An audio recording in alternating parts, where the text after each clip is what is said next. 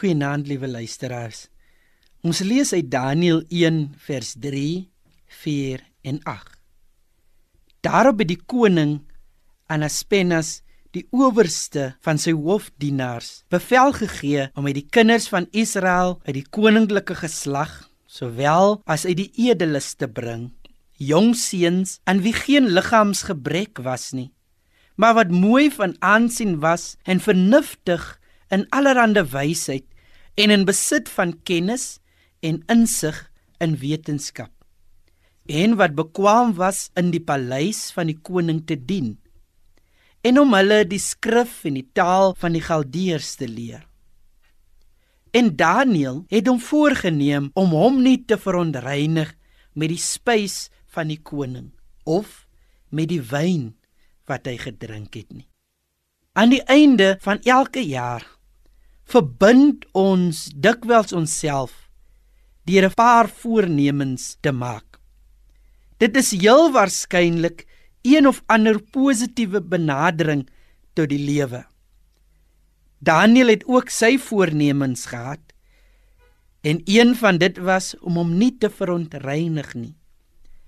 Hy maak die voorneme binne die leefwêreld van heidense gode en rituele onder wie hy as slaaf dien. Hy het egter geen seggenskap hoegenaam oor wat hy verkies om te doen nie. Want 'n slaaf het net soveel regte as wat die meester hom sou gee. En nie een van dit sou wees om sy eie voornemens te hê nie. Maar Daniel waag dit nog steeds om vas te staan in wat hy glo. Hy het nie toegelaat dat enige een hom laat afstand doen van sy voornemens nie, veral nie wat sy geloof betref nie. Ons is nou al besig om na die einde van 2018 te beweeg. En dalk het jy soveel mooi voornemens gehad wat jy iewers langs die pad by die deur uitgegooi het. Jy het tog nog 'n geleentheid om weer te probeer.